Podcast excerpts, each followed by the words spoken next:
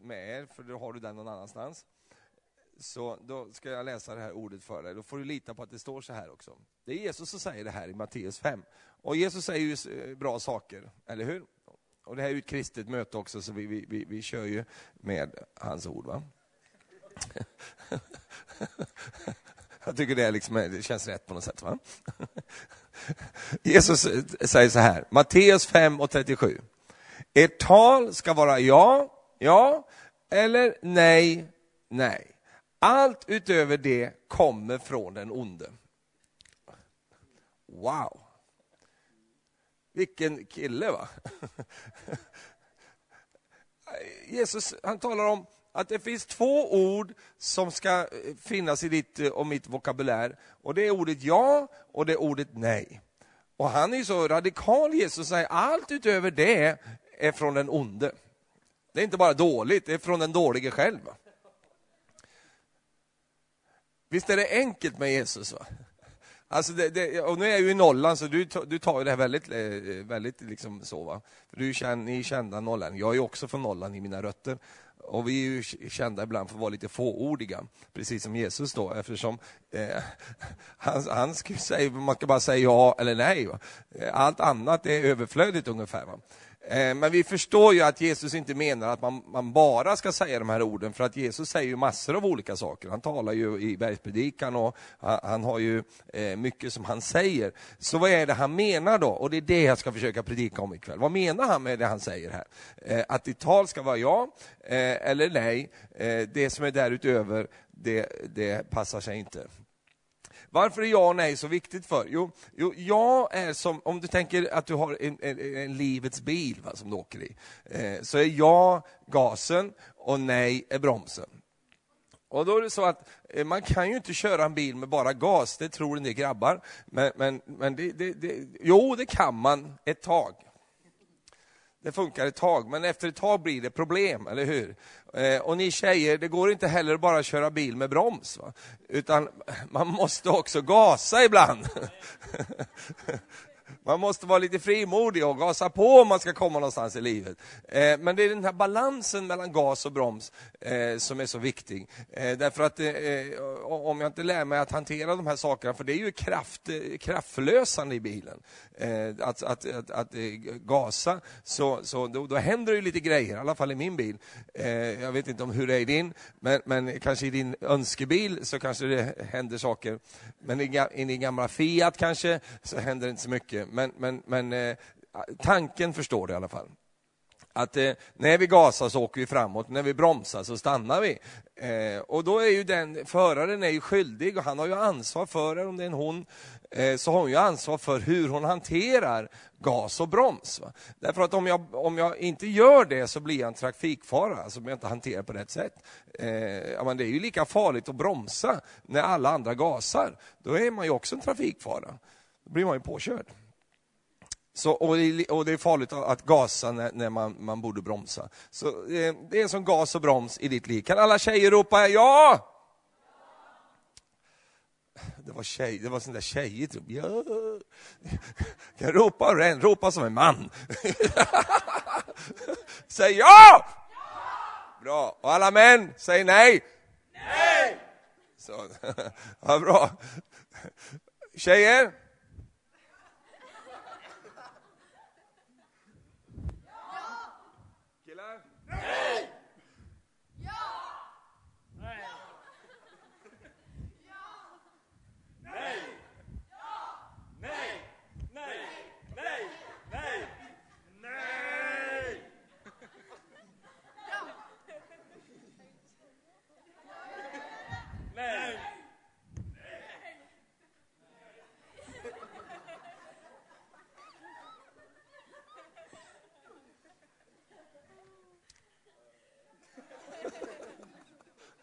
Jag kan inte låta bli.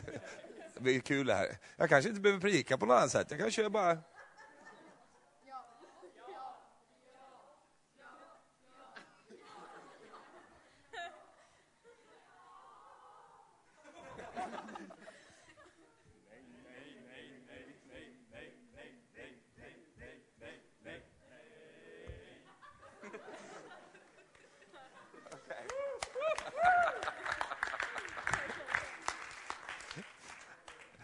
tror du börjar förstå lite vad jag är ute efter här. Att vi ska bemästra dessa ord. Va? Och inte bara bemästra dem eh, genom vad vi gjorde nu, utan vi ska bemästra dem i livet. Va? Och det är ju så fantastiskt att du har fått gas och broms i ditt liv. Du har fått förmåga, du har redan visat det nu, att säga både ja och nej. Killarna säger nej och tjejerna säger ja, men det blir en fin kombination. Eh, och det kan vara motsatt också. Du kan säga båda saker eh, som kille och tjej också. Och eh, när vi bemästrar de här orden så, så faktiskt så bemästrar vi våra liv. Och vi behöver lära oss att ta, ta tag i det här och tänka till lite grann. Eh, och det är ju så här att det kan ju ta lite tid, och det bör det göra ibland i våra liv, att komma fram till vad man ska säga ja till. Därför att det du säger ja till, det öppnar du dörren för. Man kan säga så här, en dörr är ju också lite likt det här jag talar om. en dörr representerar ju också ja och nej. När du öppnar dörren, vad står den för då?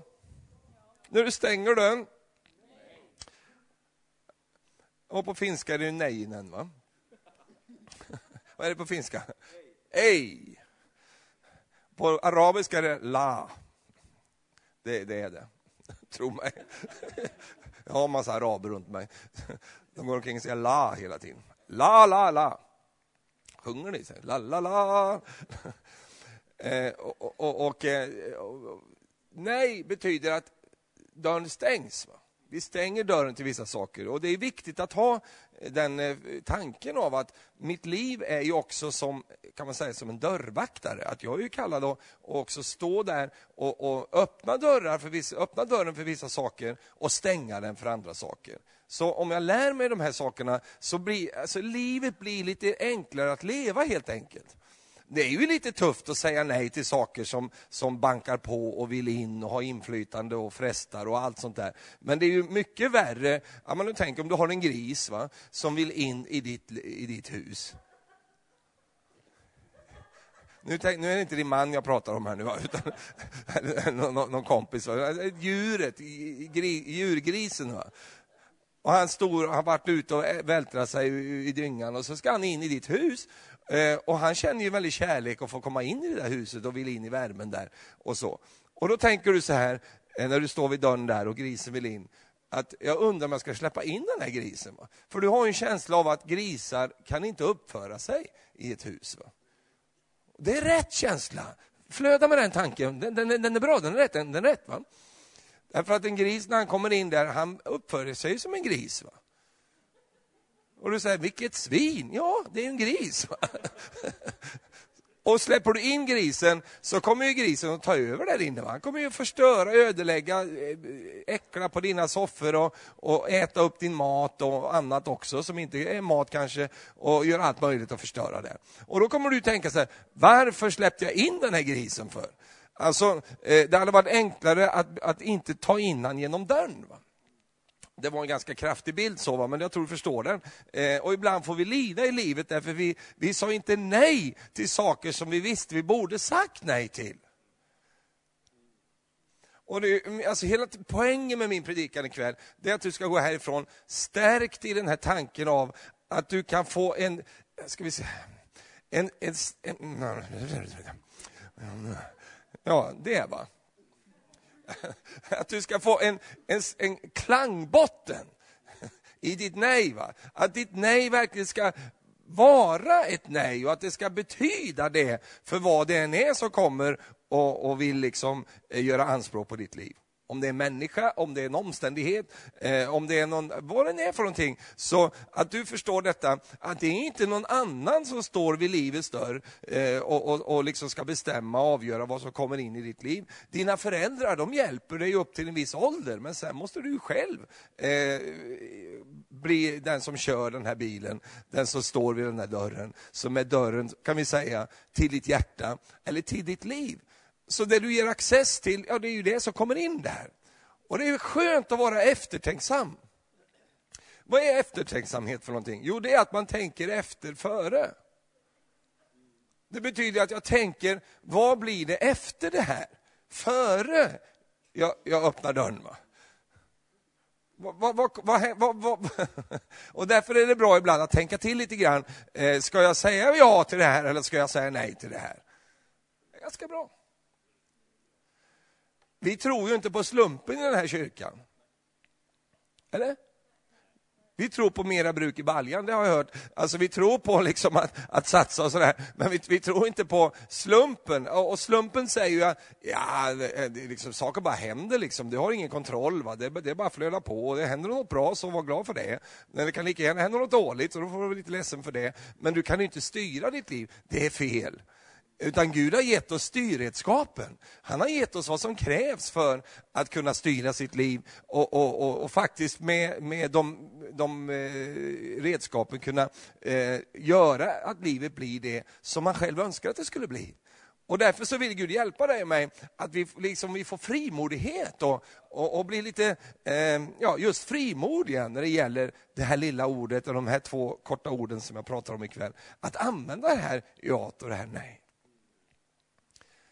Jesus säger, låt ditt ja vara ja och ditt nej vara nej. Ibland blandar vi de här begreppen. Vi säger ja fast vi menar nej. Hur lätt är det på en skala mellan 1 och 10 eh, för människor att förstå det? Det är inte lätt. Nu ska inte jag vara liksom, eh, attackera könen här, va? men, men det vill jag inte på något sätt göra. Men kvinnor kan ju vara lite kända ibland, att de säger ja, men de menar nej. Och sen, sen när det blir ett nej, då är de ju sura för att eh, gubben fattar inte att hon egentligen menar hon ja, fast hon sa nej. Och då måste du förstå att vi killar, vi är lite enkla av oss. Va? Vi fattar liksom eh, inte vissa grejer. Vi fattar inte när, du säger, när du säger nej och så egentligen menar du ja för du ville kolla lite grann och hur mycket han ville det här. Såna konstiga grejer. Lägg av med de där grejerna. Säg ja och mena ja. Säg nej och mena nej. Ibland är det ju så här också. Nu är det inte bara tjejer som är sådana, ursäkta mig. Det är inte alls på det sättet. Min fru är inte sån, inte så mycket i alla fall. Ganska ofta dock. Inte så mycket varje dag. Jag kan också vara sån ibland. Eh, och vi alla är sån. Vi kan ha det här att, att det lite grann, vi vet kanske att det finns en förväntan på att jag ska säga ja. Det finns ett litet tryck, va? en önskan. Och så, så, är man inte riktigt så där frimodig va, vid dörren, så, så man, man, man, man, man, säger nej eller också säger man ja. Därför att det, det är det som är förväntningen. Och här inne så känner man, nej, jag vill inte det här. Och så, så, så säger man ja i alla fall. Därför att man vill leva upp till trycket på något sätt och så vidare. Jag har fått ett ord, eh, pastor Thomas, för det här året i, till vår församling. Att vet du vad vi behöver göra? Vi behöver resa upp civilkurage. Jag svalde det där. Men alltså, vi behöver resa upp civilkurage. Va? En del har varit på så många av mina möten så ni reagerar inte ens att jag gör sådana här grejer. Det är, det är ett dåligt tecken alltså. Vad är civilkurage för någonting? Jo, det är bland annat, det är att jag äger mitt ja och mitt nej. Och också när jag säger ja, så är det det jag menar och det är det jag gör. Jag står för det. Ibland kan det kosta mig någonting. Det kan kosta mig till exempel att säga ja till Jesus i en miljö där ingen gör det. Då kan det kosta mig någonting. Det är lite tufft där ute i porten. Det är lite blåser lite där i dörren. Jag har öppnat upp för Jesus och, och, han får komma in. Ingen annan kanske tycker om det där, men Jesus tycker om det och jag får stå för detta. Det kan vara lite jobbigt ibland. Det kan också vara lite utmanande att säga nej när alla andra säger ja. Men vi är inga gamla liksom sega eh, tonfiskar eller något sånt där, utan vi är laxar. Salmonsson. Alltså vi, vi, vi, alltså, vi har någonting över oss. Va? Där, där, vi faktiskt inte har något större problem med att gå lite mot strömmen. Har du sett en lax som hoppar mot strömmen? Och ibland så undrar hur ska han klara sig? Det finns inget vatten för honom. Men han lyckas på något sätt i alla fall. Han har någonting i sig att han ska uppåt. Va? Jag ska upp till källan här. Jag ska upp till det där. Och han, han liksom har den förmågan att, att hoppa upp mot strömmen. Och, och, den naturen, det är ju också Jesu natur. Därför att Jesus, han var en person som sa ja när alla andra sa nej. Och han vågade också säga nej när hela folkgruppen och allting runt omkring sa ja. Då stod han där och så, så förmedlar han ett nej. Men då är det viktigt att vi vet när vi ska säga ja och när vi ska säga nej. Och vad vi ska säga ja till och vad vi ska säga nej till. Därför behöver du Guds ord. Därför behöver du veta eh, vad, är det, vad är rätt att göra i den här tiden. Vad är rätt att göra? Och civilkurage, vad jag menar med det, det är att vi står upp för Jesus i vår tid. Vi står upp för hans värden, vi står upp för det han står för. Och även om det kostar oss någonting så gör vi det i alla fall, för vi vet att det är rätt att göra så. Halleluja. Och man, kan, man behöver inte säga nej på ett, liksom ett, ett, ett, ett liksom, ett demoniskt sätt, hålla på säga. man behöver inte säga nej på ett NEJ! Man behöver inte sova, utan man behöver bara med sitt liv vara som den där dörren som bara signalerar det.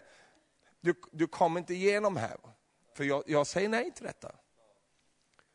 Och det byggs någonting i en människa som, som får tag på det här. Och det känns väldigt gott också, även om det kan vara jobbigt, även om det är utmanande för oss ibland. Eh, och även om det kanske är och annan vän som egentligen inte är någon riktig vän, eh, kanske bara sviker dig när du, när du reser dig upp i ditt hjärta och säger, nej men jag, jag går inte med på det här, jag säger nej till det här. Eh, så kanske det blir lite jobbigt ibland, det kan ju bli så faktiskt. Men det är värt det, därför att du bevarar någonting annat här på insidan. Du bevarar, du bevarar din integritet och du bevarar just den där sältan som är så behövlig idag. Amen. Nu menar inte jag att vi ska gå omkring och vara nej-sägare överallt. Vi, vi, vi, ska säga lika mycket ja som vi säger nej. Vi är inte några nej som går och säger nej, nej. Så fort någon öppnar munnen, nej. Ska vi? Nej. Kan vi? Nej. Nej. Så fort de tittar på det, nej. Det är ju vi lite kända för, vi kristna. I alla fall tror en del folk att ja, men ni säger ju nej till allt som är roligt. Allting ska man säga nej, det är typiskt. Det är en kristen här som ska opponera sig här nu. Ska han säga nej förstås. Men vi säger inte bara nej, men vi, vi säger ja också. Halleluja. Vi säger ja till livet. Vi sjunger den sången. Ja, ja till livet. Säg ja till det. Och där är det kanske en hel opinion som säger nej till livet. Och gärna står upp för abort och, eller står, ja, och, och, och proklamerar för de sakerna. Så kommer du och jag säga, vi säger ja till livet. Så vi är inga nej-sägare, vi är ja-sägare. När det gäller det här området i alla fall. Amen. Så det gäller att veta vad man ska säga nej till och vad man ska säga ja till. Amen. Börjar, har du fått eh, lite grepp om, om det här jag håller på med nu, eller är helt ute och cyklar här? Nej. Så säg inte ja när du menar nej. För om du säger ja när du menar nej, så blir du en trafikfara. Jag menar, det blir livsfarligt. va? Och så kör du på någon stackare som är framför dig och så ska, du försöka förklara det. Det var egentligen, jag, jag, jag, alltså, jag menar att trycka på bromsen då, va? Men, men så tryckte jag på, jag, tryckte på gasen. Va? Säg det till han som har fått sin bil förstörd. Va? Så när, vi, när vi, vi säger ja, då menar vi ja. När vi säger nej, så menar vi nej. Var har vi hämtat det här ifrån, den här tanken som jag predikar om ikväll? Ja, vi hämtar den från Jesus. Var han hämtar det ifrån? Jo, han hämtar det ifrån hur Gud är. Gud är en Gud som verkligen äger sitt ja och äger sitt nej. Och jag är så glad att det finns inget kanske i Gud. Jag är trött på det där kanske. Va? Det är liksom, mm, det är sånt där nja. Älskar du mig? Nja. Ska vi gifta oss? Ja. Alltså icke picke pö bodde på en ö, va? man visste inte vad man ska välja för någonting. Ibland så är det så här, när vi, när vi säger ett ja, tar vi ju en risk. Ja. På norska är det risiko. det är en risiko. Alltså, vi, vi, vi, då tar vi en risiko. Va? Det är ju en risk. Det är ju en risk att följa Jesus också, du vet ju inte riktigt vad som kommer att hända. Men du säger ja i alla fall. Så det är ju lite, lite sån riskmoment. Och, och Gud, han har tagit stora risker han. Han tog en jätterisk när han sa ja till dig. Tänk om han hade gjort en sån här personlighetsanalys av dig och, och gjorde sån här eh, test på dig innan. Liksom att du har väldiga problem med mjäll och, olika såna här grejer och, och saker. Och du tänker, nej men det kan vi ju inte ha. Va? Vid närmare eftertanke så tror jag det blir ett nej här. Va? Han sitter inte i himmelens bank och, och, så kollar han igenom ditt register och kollar allting, alla dina liksom, affärer och allt vad du håller på med och så vidare. Och så säger han, men det går ju inte. Utan han, han tar dig trots att det är mycket som talar emot att han ska göra det. Det är som Gud är. Min bibel säger att han tog det som ingenting var. Han tog det som i världen var ratat och hatat och, och, och icke önskvärt. Det säger Gud ja till.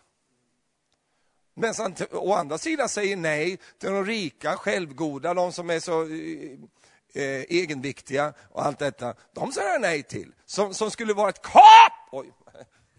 Kap för honom! de skulle, skulle, var lite fel, jag skulle trycka till på en annan punkt. Det skulle vara, oh, vilket kap du har gjort Gud. Va? Kolla in den här, han var mäktig, han hade massa pengar, han hade gott rykte, han hade allting. Oh, sådana står det i Bibeln och de väljer Gud bort. Va? Men så han tar in någon som katten har släppt fram och liksom sådär, och säger, ja men den där tar vi. Jag tänker på när vi ska köpa en hund en gång. Va? Vill inte höra den? Eller?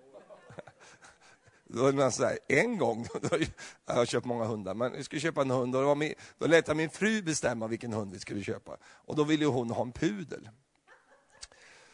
Det arma livet. Och, och, och så, jag skulle ju aldrig komma på den idén själv, men hon skulle ha en pudel då, den mest omanliga hund du kan hitta. Och, och, så. så då åkte vi till en pudelkennel och skulle titta på den här pudlar och då hade vi ju förberett liksom det här kennel. Liksom. Nu kommer vi, vi ska titta på hund och så vidare. Så då hade de ju fönat upp alla de här hundarna och, och, och sminkat dem och gjort i ordning. Du vet så här pudelstilen där och klippt dem i de här bollarna och så. Och så, hon såg likadan ut, hon som ägde kenneln. Hon liksom så här, värsta håret så här. Och så kom hon fram så här, ja, vad roligt att ni är här och vi kan erbjuda er väldigt mycket fina pudlar här. Och här så, så kom den där pudeln på den där catwalken där, eller sån här pudelwalk, gick förbi där. Och han gick bara som, som en sån pudel kan gå och, och gick där liksom så. Och man hade bollat upp honom och, och sprayat och hållit på där. Så jättefin ut tyckte hon i alla fall. Eh, och, så, och den här förstår du, har så fina gener. Va? Hans farfars far var champion och hans farfar var en champion champion. Eh, och hans, eh, för, hans föräldrar, det är de där borta. Eh, de har vunnit många priser och har priserna på hyllan där borta. Och det här är fantastiska. Eh, liksom, han har inga höftledsproblem, han har inga problem med svansen, han har inga problem med någonting. Han är fantastisk. Och så gick han förbi där. Ja, fint. Ja, så har vi den här. Också väldigt fina anlag. Den här, förstår Den här kan du avla på. Vet du. Den är jättefin. Och, och så börjar han liksom visa upp eh, alla de här fina stamtavlorna som den här hunden hade. Och Vi stod och tittade på det här. Och i ögonvrån när vi stod och kollade på det här, så ser jag någon murvlig liten sak ligga på ett litet eh, sån här hundtak längre bort. Och hans ögon gick igenom liksom hans håriga liksom, ansikte och jag såg de här bruna ögonen, bedjande bruna ögon. Han låg där, han var smutsig och låg, jag visste inte vad det var för någonting. Så jag sa, vad är det där där borta? Då? Ja, det är också en pudel, sa Jaha, men han, är en så, han blev över här. Va? För han har, han har något lite fel i psyket eller något sånt där. Han, han blev över, det är ingen som ville ha honom. Nej. Men vi kan, kan vi inte titta på honom? Nej, nej, titta på här liksom, eh, Mr Pudel här, kolla här, vet du, han är ju nybadad och fin så. Den där har inte varit ute i hundgården på flera år. Va? Ja, men jag vill ändå kolla på den. Så, så gick jag över och kollade på den då.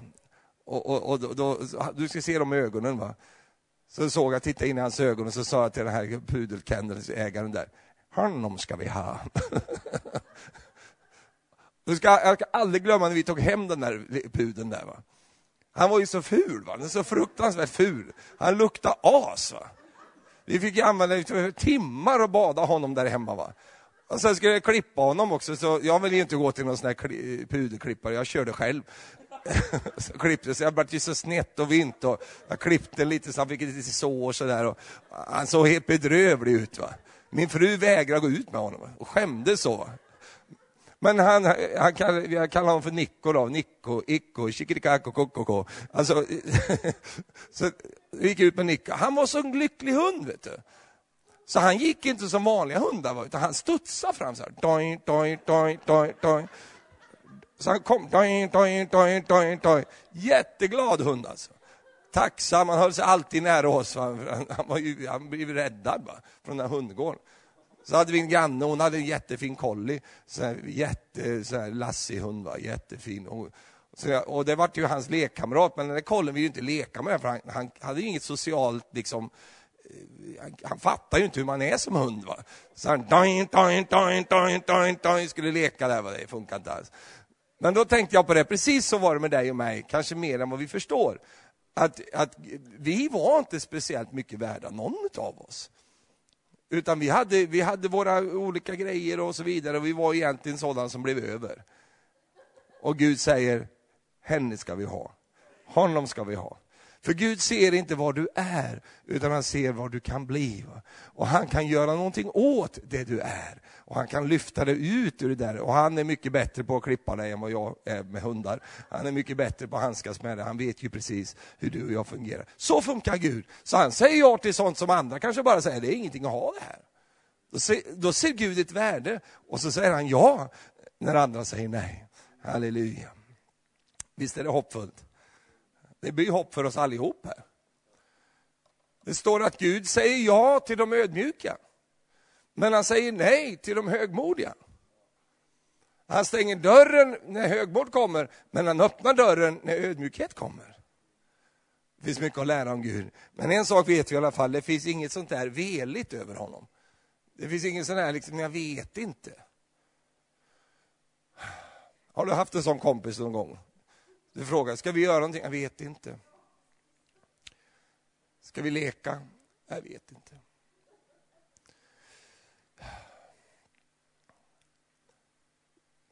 Ska vi gå upp i sängen nu och, och gå, låta dagen komma? Jag vet inte. Ska, vad ska vi göra? Jag vet inte. Man blir frustrerad på sådana människor. Va? Då är det lätt att hoppa in och börja ta över deras ja och deras nej. Men det gör vi inte. Utan vi istället säger, nej men nu måste du äga ditt ja. Du måste ta tag i någonting, antingen eller. Det är, mycket, det är så jobbigt att ha en relation med människor som inte, som inte äger sitt ja och sitt nej. Har ni hört den här någon gång? då? Eh, ska, vi gå, ska vi gå och fika? Jag vet inte. Vad tycker du? Ska vi äta? Jag vet inte. Vad tycker du? Kan du inte tycka något själv någon gång? Nej, men du kan välja. Nej, men jag vill att du väljer. Nej, men jag, jag väljer det du väljer. Det är ju känt, välkänt över hela världen när svenskar åker ut på utomlands och ska äta på restaurang. Då säger den första, jag ska ha liksom en eh, capricciosa. ja, nästa capricciosa. Äta samma. Och så blir det alla sitter och äter capricciosa. Vi, vi är lite så smidiga av oss. Men det finns ju andra pizzor i en pizzarestaurang, eller hur? Jag tänker på en som jag kände som inte var så bra på engelska. Han var sån där lite motvalls. Så han sa alltid något annat än vad alla andra sa. Så då hade de beställt sina plankstek till allihop. Då. Och då frågade de, hur vill du ha köttet då? Eh, och de flesta sa medium då. Men han ville vara lite häftigare, så säger large. Ja, ja, men det är bra. Okej. Okay. Så Gud känns igen av hans karaktär. Han är inte velig, utan han är absolut. Va? Och det som är så skönt med Gud, det är att du kan alltid veta vart du har honom. En sak som Gud inte är, det är att han, är inte lynnig. Eh, det är lite svårt att förklara ordet lynnig, men att vara lynnig, det är, det är som en av mina kompisar som jag har, som växte upp med en pappa som var alkoholist. Eh, och han var en sån här alkoholist som ändå kunde sköta sitt jobb. Men han sa så här, det var en fruktansvärd uppväxt därför att man visste aldrig vem man skulle möta. Och det var det som var så jobbigt, därför att ena dagen var min pappa som en ängel. När han hade fått i sig några whisky så var han jätteunderbar. Men nästa dag kunde han vara som en demon. Va? Och man visste aldrig vad man skulle möta och man blev så otrygg. Ena dagen ville han slå ihjäl mig, andra dagen så, så gav han mig pengar. Det är lynnighet, va? att man inte riktigt, eh, man vet inte vad man kan vänta. Och han sa, min kompis sa så här, det hade varit bättre om pappa hade varit som en demon hela tiden. För då hade jag vetat hur jag skulle handskas med situationen. Men eftersom han ibland var underbar och kärleksfull och, och precis som en pappa ska vara, så, så blev jag så osäker så jag visste inte hur jag skulle handskas med det här. Många barn som växer upp med, en sån, med sådana föräldrar kanske. Eller har sådana människor i sin omgivning. Men en sak ska du veta, Woo! Gud är inte sån. Gud är inte sur ena dagen och glad andra dagen.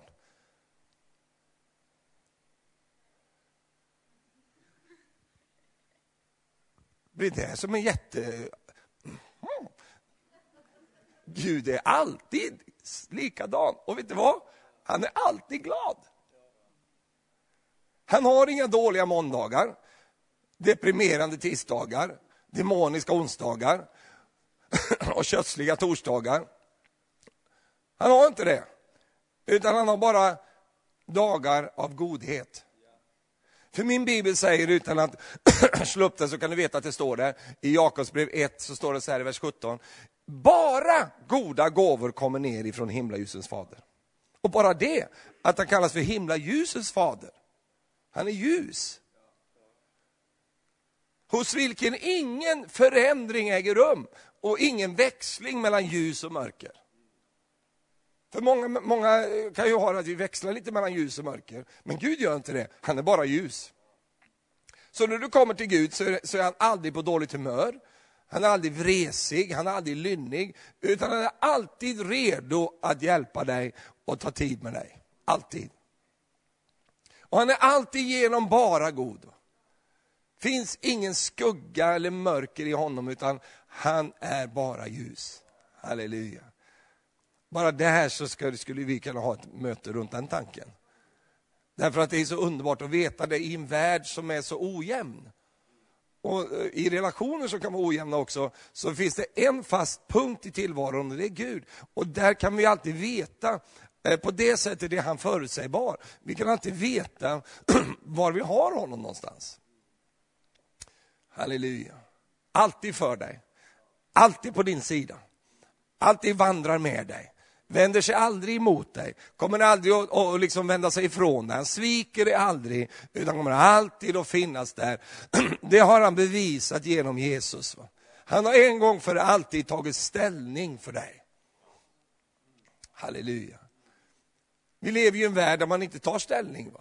Att man är rädd kanske att förlora någonting på det. Och Gud förlorade mycket på att ta ställning för dig och mig. Men han gjorde det i alla fall, för han älskar oss.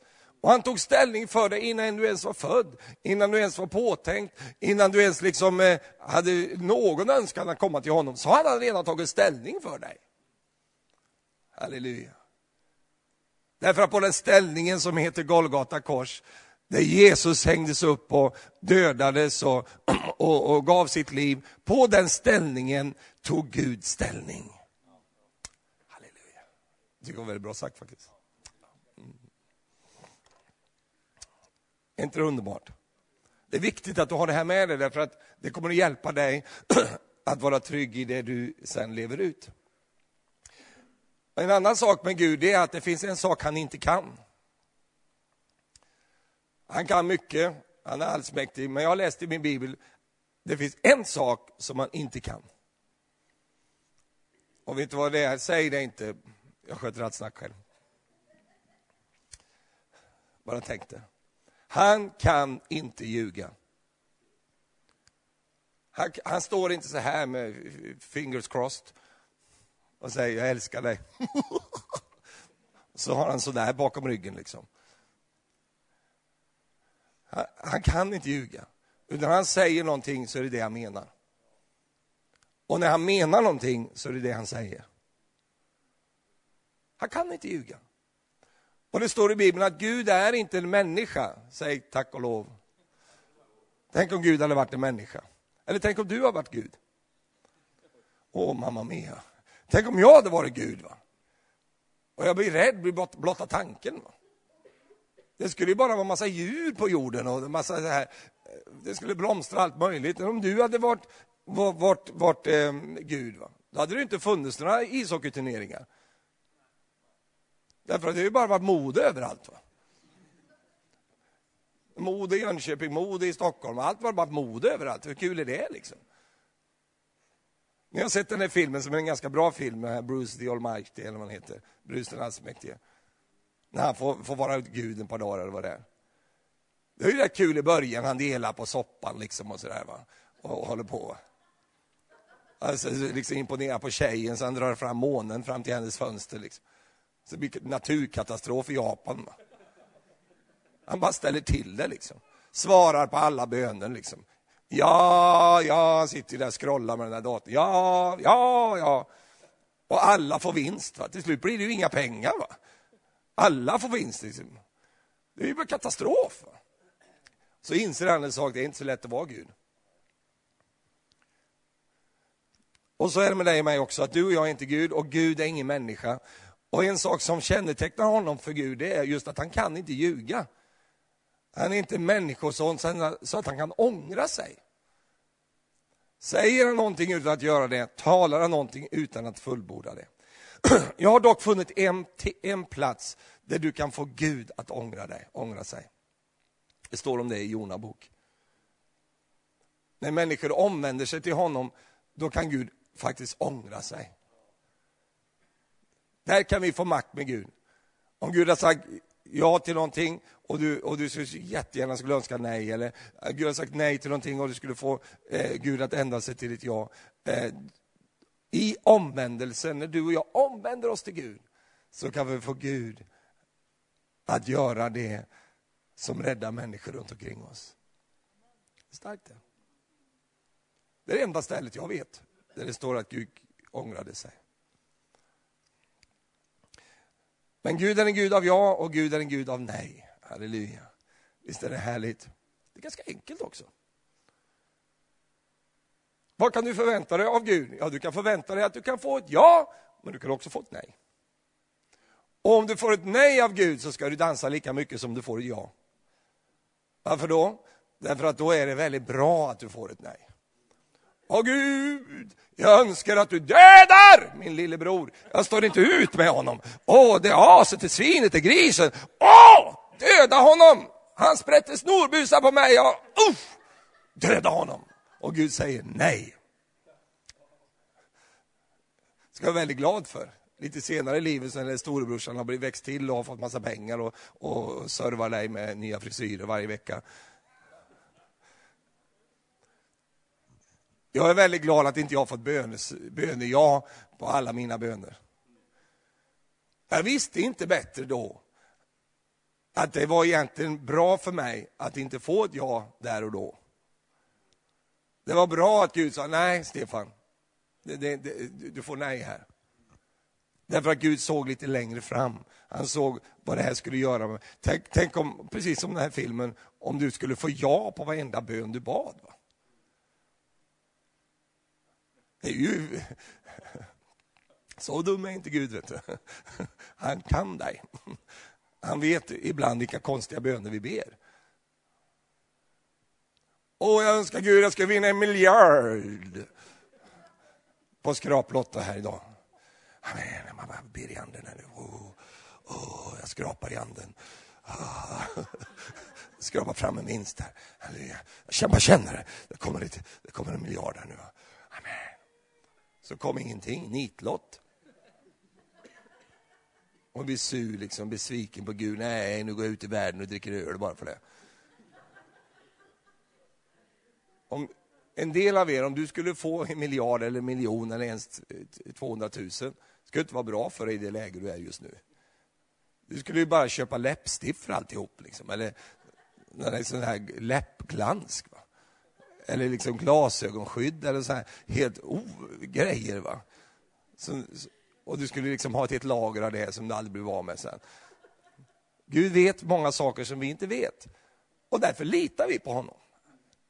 Men det är också så att det Gud säger ja till, det menar han med hela hjärtat. Och han håller vad han lovar. Och En annan sak med det där också, vi ska inte fastna på det, det är att Gud gör och ger ingenting som man inte redan har lovat. Så vad du och jag ska göra då, ta reda på vad han har lovat. Och när du vet vad han har lovat, då kan du koppla med det han har lovat. Om Gud har lovat det, då är hans karaktär sån att då menar han det och då håller han det. Vi lever i en värld där, där sånt här inte betyder någonting. Vi lever ju där man måste ha 700 sidors avtal när man ska byta moped med varandra. Därför man vet aldrig liksom vad, vad, vad som kan hända. Det kan ändras alla möjliga. Liksom. Och, och ja, då ingår också kedjan. Va? Det behöver man aldrig fråga förr i tiden. Va? Utan det var ju ett, handslag. Va? Jag hämtar din enpetare här. Liksom. Jag, jag, jag fixar det. Va? Ord betyder någonting. Men vi lever i en värld där ord inte betyder så speciellt mycket. Och man kan säga, ja, men jag menade det där igår, men idag menar jag inte. Jo, men jag stod inför prästen igår. Jo, visst, jag, jag lovade dyrt och hedligt. Jag ska älska dig i nöd och lust. Och sen går det ett år och säger men du har ändrat mig nu. Och så har man stått där och lovat jättefint. Man tänker mer att det är fina, gulliga, snygg brudklänning och fin frack. Och, och lite trevlig fest. Men man tänkte inte på att det man stod och sa där gjorde man ju både inför Gud, inför prästen och inför folket som satt där. Och faktum är att man gav ett löfte. Jag tycker om när det står i nöd och i lust. Äktenskapet är ju både nöd och lust. Det är helt säkert det. Nej, mitt äktenskap ska bara ha lust. Det är inte bara lust kan jag säga, det är mycket nöd också. Och det är mycket utmaningar och sådär. Men jag, jag, tycker det är så skönt att, att man har ett sånt här löfte man har gett och sagt, nej men vi har ju lovat varandra detta. Löften betyder någonting. Och för Gud betyder det så mycket så han är villig att gå i döden för sina löften. Jesus dog för att alla Guds löften skulle bli giltiga i den här världen. Och därför är det så skönt med Gud. Amen. Får jag ta en liten punkt till, sen är jag klar? Nej, nej, men då kanske vi ska sluta då. Jag känner ett motstånd här mot den sista punkten. Man slår sig mot bröstkorgen på mig. Så, oh, motstånd. Sista punkten. Om inte du äger ditt ja eller nej, så kommer någon annan att göra det. Och det är inte Gud. Får jag säga det igen? Om du inte äger ditt ja och ditt nej, så kommer någon annan att göra det. Och det är inte Gud. Utan vem är det som kommer att äga ditt ja och ditt nej? Det vet jag inte. Men, men om du inte äger ditt ja eller nej, så kommer inte Gud att ta över den rollen i ditt liv. Utan Gud kommer att istället hjälpa dig att börja handskas med de här två, eh, två orden. Han kommer aldrig komma in och styra över i ditt liv och säga, nej men du, du, du kan ju inte det här. Flytta på dig. Undan. Nej, du, du, du, det går ju inte, jag får jag köra här istället. Så säger inte Gud.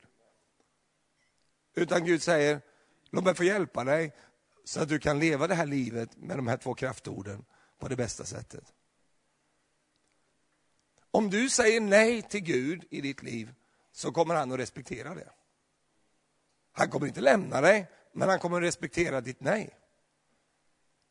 Och det är därför som det är så underbart med Gud, men också lite utmanande, därför att han har gjort sig själv beroende av din fria vilja. Av, din, av ditt eget liksom gensvar till detta. Gud vill inte ha lydslavar, utan han vill ha människor som med sitt hjärta säger ja till honom. Jag menar, vi är ju inga, det är ju likadant om man tänker i en vanlig relation med människor. Visst, du skulle ju kunna gå som gamla vikingar liksom, och bara klubba ner någon tjej liksom, och dra in henne i grottan. Liksom. Nu kommer du med mig här, sir, nu ska vi gifta oss. Nu är min fru. Jag vill inte, tyst med dig! Nu går vi. sir. Det går ju att göra så, men hur kul blir det liksom? Så fort hon säger någonting, då måste du dunka till henne med klubban. Liksom. Alltså, tyst, sa jag. Det funkar inte så i Guds värld och det funkar inte så i den mänskliga världen heller. Utan det måste finnas ett gensvar från hjärtat. Och Gud vet det och Gud vill det. Och därför så kommer inte han gå in och styra i det där i ditt liv. Och, och, utan han kommer att säga, vill du följa mig? Om du då säger nej, då säger han okej, okay, då vet jag. Jag vill att du följer mig, men det räcker inte. Du måste själv vilja. Det hade ju varit lite enklare faktiskt om Gud bara hade tagit över och sagt, nu, nu kommer du med här. Det blir bra, så du. Kom med bara. Men jag vill inte. Du, du kommer med, så. Jag ska rädda dig från helvetet. Kom med här nu. Men jag vill gå till helvetet. Du, kom med här nu. Du vet inte vad du vill. Jag tar över. Gud är inte sån. Utan Gud förväntar sig ett gensvar. Till och med de människor som var så plågade, så demonbesatta, en del av dem som bara hade tusentals demoner i sig, så var det ändå så att de var tvungna att ge någon form av gensvar, någon form av liksom, sökande till Jesus. Den blinde Martimeus som var blind och satt där såg ingenting, men han hörde bra, så han hörde att Jesus kom där, hur han nu kunde höra det, men han hörde det och då börjar han ropa till Jesus och då springer inte Jesus dit direkt och säger, åh du ska hjälpa dig, du är så handikappad, du kan inte ens gå, du ser ingenting. Utan Jesus säger, kalla på honom. Som den blinde mannen får resa sig upp och stappla iväg där bland alla människor och söka sig fram till Jesus. hur, hur illa det kanske kan verka vara i ditt liv, så finns det ändå någon form av gensvar som måste finnas. Och det gensvaret kan vi ge till honom och det börjar oftast med att vi säger ja till honom. Amen. Och det är så med, med, med de mänskliga relationerna också, att det är så viktigt att vi inte lämnar ut de här sakerna till andra.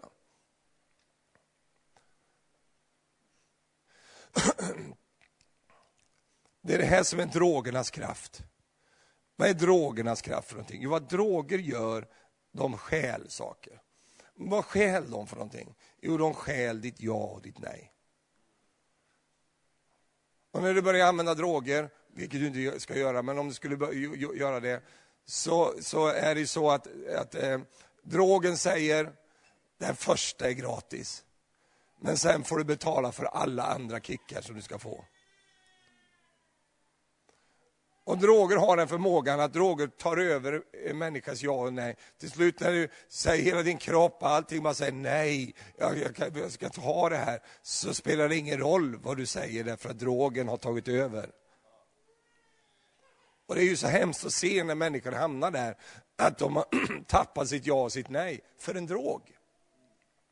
Det finns olika typer av droger, spelberoende, sexuella liksom, eh, frestelser och begärelser. Så du kan inte, du vill inte det där, men du äger inte längre ditt ja och ditt nej. Det är hemskt att vara i ett sånt läge. Vill Gud hjälpa oss alla så att vi kan återerövra kraften i vårt ja och vårt nej.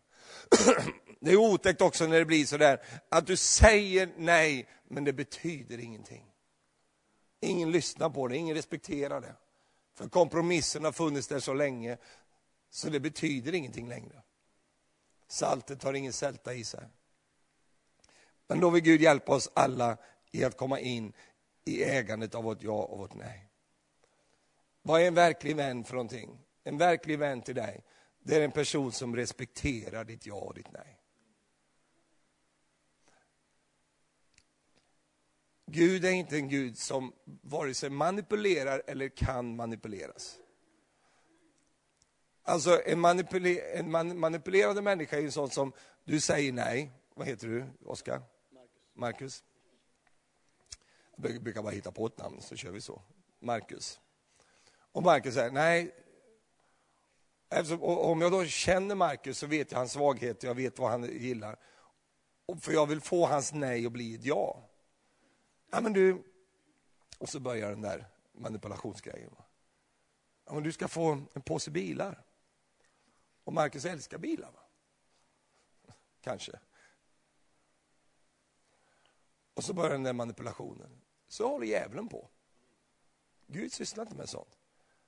Han, han, han håller inte på liksom och lovar en massa grejer och, och håller på bara för att kittla dig att säga ja. Utan han, han är ju lite krass på det sättet, Jesus. Han tittar förbi eh, hos Petrus, han satt vid sin fiskebåt, och så säger följ mig. Och så går han bara. Det var liksom inte en reklam. Följ mig, så ska jag göra till en stjärna. Se på mig. Jag ska göra till en stjärna. Se på mig. Han körde inte fram sju steg att lyckas. Vill du bli en succé så världen får se. Utan han bara säger, följ mig. Och sen så gick han. Och Petrus, in, Petrus står där i sitt livs stora val. Han kanske inte fiskade val, men han fiskade andra, val, andra saker. Han var ju fiskare. Va?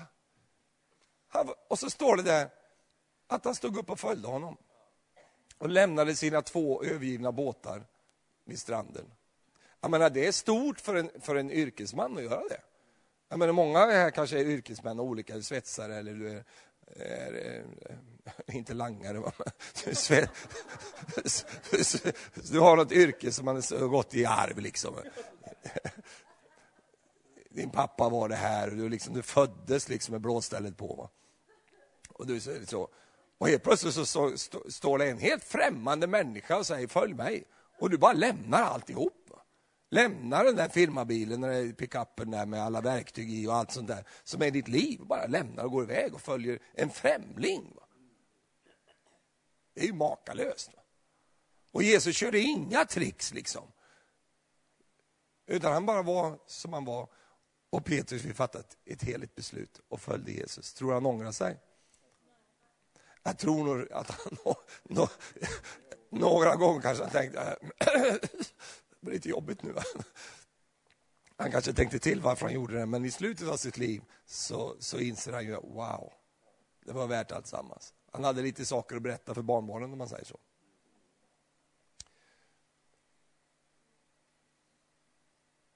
Så just det här att han gör anspråk på dig och att du får äga ditt ja och ditt gensvar och ditt nej.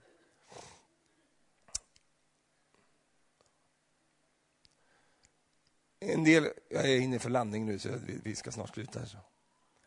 En del människor säger ja bara för att de vet att säger jag ja nu så blir jag omtyckt. Jag får vara med i gänget. Och man får liksom koppla ihop där. Och man vågar inte riktigt stå upp och säga nej. Därför man vet att man då blir utputtad. Och i kyrkan bygger vi inga sådana eh, eh, sån, sån gemenskap. Utan vi bygger en gemenskap som är byggd på sanning och ärlighet och uppriktighet.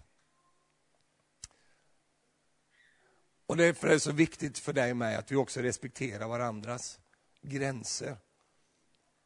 Och att vi säger, okej, okay, om du är tillsammans med en kille och en kille är tillsammans med dig, då är ni ihop. Jaha, är det det vi är? Ja, då är ni ett par.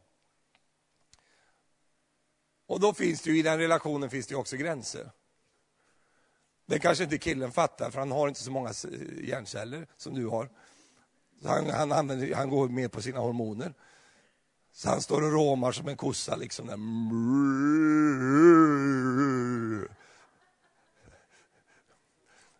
Så fort det blir mörkt liksom, så, så sätter han igång med sitt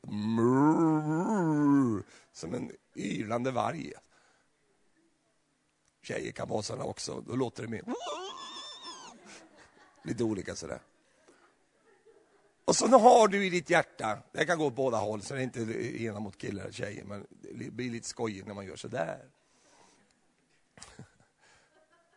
Och då så säger tjejen, nej men jag vill vänta. Jag vill inte ha något sex innan äktenskapet. Och då blir han ju så frustrerad. Han är ju i det stadiet där han är kär i, i, i dig. Men han kan ju lika gärna bli kär i en damcykel eller vad som helst. Liksom. Han, är, han, är, han är ju i det stadiet. Va? Så, och du säger, ska vi vänta? Då vänder han till taktik, kan vi gifta oss ikväll? Va?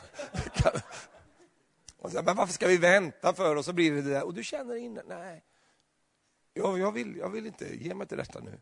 Det här kan gå åt båda håll, så det behöver inte vara på det ena, men, men killarna är ofta lite mer drivande när det gäller det där. Tror jag i alla fall. Jag vet inte hur det är i Norrland. Men, men, eh, och så. Om du då har där som tjej ett nej. Så, nej, jag vill inte det här. Jag vill inte gå längre nu. Jag vill inte, vi är ihop, vi kan se en framtid tillsammans, men jag vill inte göra det där nu. Det vill jag vänta. Jag vill ge den presenten till dig när vi gifter oss. Det är det finaste jag kan ge. Och det vill jag ge till dig. Och jag vill inte ge, det är inte julafton än. Va? jo, det är det! Jag vill öppna paketet nu! Ja, men vi, inte, vi, har inte, vi har inte gift oss än. Vi träffades ju i eftermiddags. Vi har precis, vi har precis blivit tillsammans. Ja, men det känns som jag har känt det hela mitt liv. Han bara snackar. Va? Och du driver på den där tanken och så vidare. Och allt det där sponsrade där och så vidare, känslor och allt det Det är ju så här, nu vet jag inte varför jag kom in på det här, men du får det här lite som bonus. Sex, I Bibeln så finns det ju någonting som heter synd. Se inte så förvånad det, det, Jaha, men det, det står mycket om synd i Bibeln och det står också att man kan få förlåtelse för synd. Synd är att gå emot vad Guds ord säger och Guds vilja för ens, för ens liv. Och det inre samvetet. Men det här med sex är så här lite annorlunda. Va? För att all annan synd som finns är ju synd jämt. Va? Ja, men det är ju inte så att det är, det är synd att ljuga bara ibland. Va?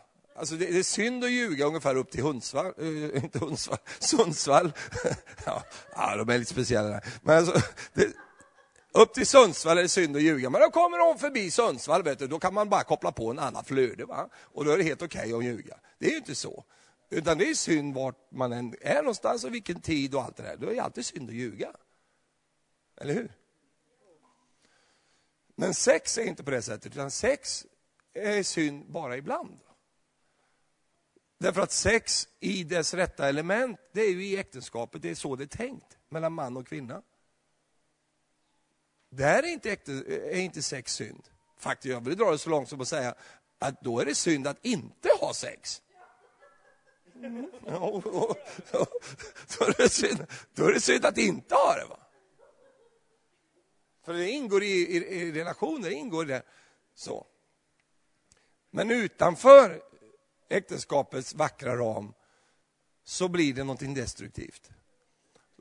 Så till dig som, som, som liksom är lite frestad på det området och så vidare. Eller så. Och så, jag kan inte vänta. Jo, du kan vänta.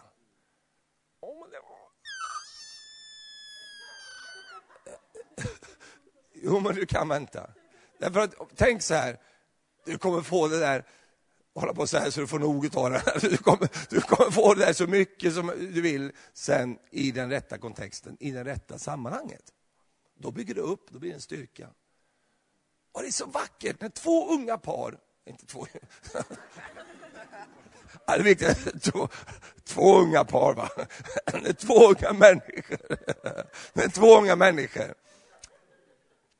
rena och oskuldsfulla. Inte hållit på med, med liksom 700 liksom innan. Va? Utan hitta varandra, så börjar de gå kärlekens väg. Så vaknar ju de här sakerna också. Va? Det, är inget, det är inget konstigt att göra det, det är naturligt. Det är inte synd att ha de här, den längtan och, och alla de sakerna. Det är ju det är ingen synd i alls. Det är ju, du är ju människa.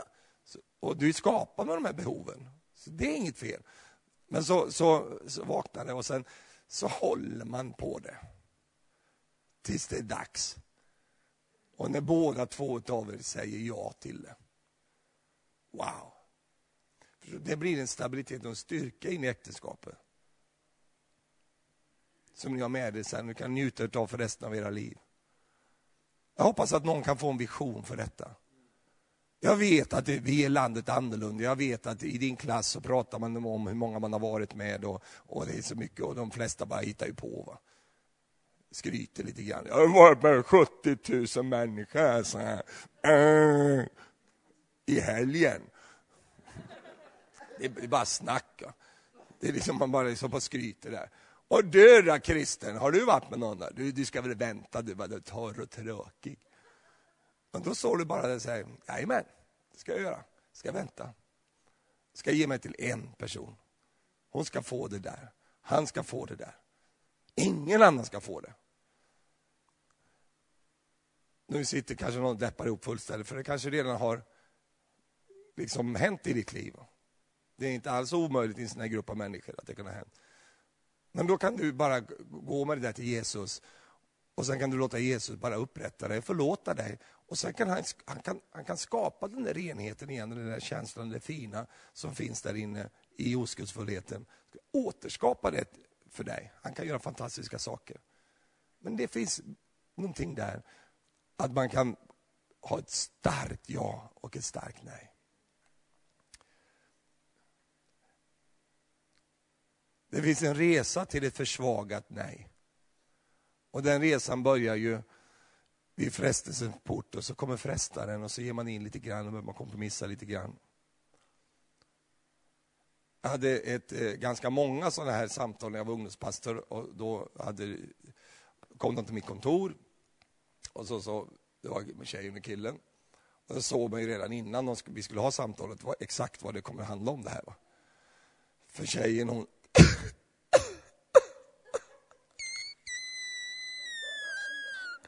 och killen han, han satt och räknade lampor liksom. Tyckte bara det var jobbigt. Så jag, jag, i brist på tid så sa jag, men okej, okay, eh, ni har gjort det va? Hur kunde du veta? Jo, jag kunde veta. Och, och så, så frågade jag, och hur, alltså, hur, hur, blev det så då? Hur kunde det bli så? Och då var det vanligt att man sa så här, jag vet inte. Det bara liksom hände. Aha. Så det är bara helt plötsligt, nej, vi har gjort det. Oh. Så du menar att ni bara vaknade upp och sen hade ni gjort det? Så det fanns ingen sträcka fram till det? Ja, men alltså, det, det blev liksom sådär. Vadå bara blev sådär? För det första var ni ju tvungna att göra med av med alla era kompisar ni har runt omkring er. För ni hade väl liksom inte alla... Hallå allihop! Nu ska vi göra lite grejer här. Vill ni vara med? Dricka lite te under tid och lite kaffe så här. Ska, så lite mysigt här. Så ska vi... Nej, nej, nej, så gick det inte till. Utan det... Hej då, vi ses imorgon, hej då. Och ni kom till en plats där det bara var ni två. Och sen var det ner, släcka lyset. Och sen var det på med lite musik. Det var ju massa grejer som hände innan. Ja. Och det är de grejerna som försvagar mitt ja och mitt nej. Och nu tog jag bara det här som ett exempel, för det är också ungdomsmöte. Men det finns många andra områden som också har samma effekt. Va? Så det här är inte det enda. Och nu vill inte jag, jag är ingen sån där moralpredikant som predikar bara så, utan jag bara försöker väcka din lust till att, att se att det finns värden och det finns saker och ting som man faktiskt kan kämpa för lite grann. Utan att vi liksom slår det i huvudet på alla andra runt omkring. Utan bara det att men det här är vad jag vill, det är vad jag önskar. Så många ungdomar som lever i en värld som du lever i också, där det här inte ens är en issue. Liksom. Det är självklart att man testar lite, man håller på lite grann och sådär. Det är ju så. Det är ju ingen som, eller ganska få i alla fall, som, som kämpar på det här området. För de, det, det ligger ju liksom i tiden. Men i ditt hjärta så kanske det finns en längtan, men jag vill, jag vill, jag vill leva, jag vill ha den här vägen. Då kan Gud hjälpa dig. Halleluja. Amen. Och en kille som inte respekterar när du säger nej. Gör han det inte där, då ska, du, då ska du tänka till lite grann. Är det en sån kille som du vill spendera ditt liv med, som inte, inte kan respektera dig på en sån känslig sak, och det gäller också tjejer. En tjej som inte respekterar när du säger nej. Då måste du ta den och fundera, okej, okay, är det en sån jag ska leva med? Bättre att göra det innan än efter. Och allt folket sa? Fick du ut någonting av den här predikan? Ja, tack för det. Halleluja.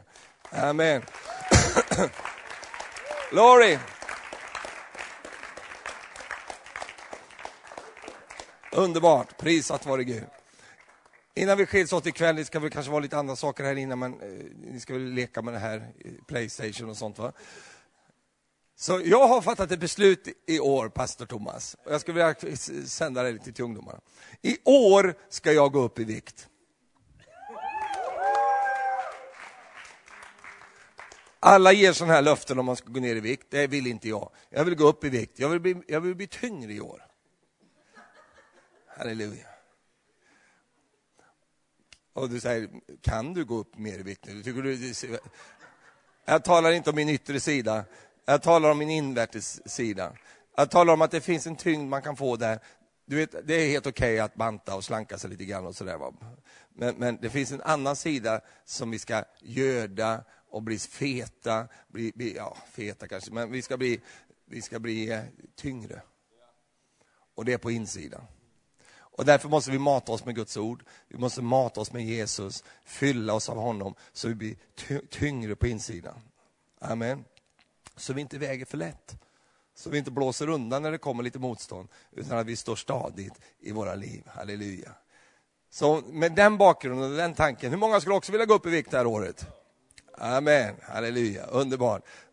Då satsar vi på det. Underbart, tack Jesus. Låt oss stå upp tillsammans. Herre, tack för dessa underbara ungdomar. Tack Herre för att de är så mottagliga och att de tar emot ditt ord, Herre. Jag ber Fader att, att eh, någon av dessa tankar som har kommit ikväll ska på något sätt finnas med och hjälpa Herre till att eh, eh snickra ut det liv som du har tänkt för var och en Herre. Tack Herre för att du vill hjälpa var och en Herre att eh, äga sitt ja och sitt nej, Herre. Att med sitt hjärta kunna säga ja till dig, Herre. Och leva ut ett liv tillsammans med dig. Att också kunna säga nej till frestelser, säga nej till saker som är inte är bra, Herre. Vi tackar dig, Gud, att du bara stärker dessa ungdomar, Herre. Herre, de som lever i olika eh, eh, omständigheter, Herre, på skolor där de går kanske, där det inte finns några kristna. Jesus, då kommer du med din styrka, Herre. Och så får vi vara de där personerna som har den där ryggraden, Herre, där vi kan stå för dig. Även om det kan bli tufft ibland, så gör vi det i alla fall. Vi prisar dig, Gud, för det. Därför att vi älskar dig och vi vill stå för det du står för. I Jesu namn. Amen. Halleluja.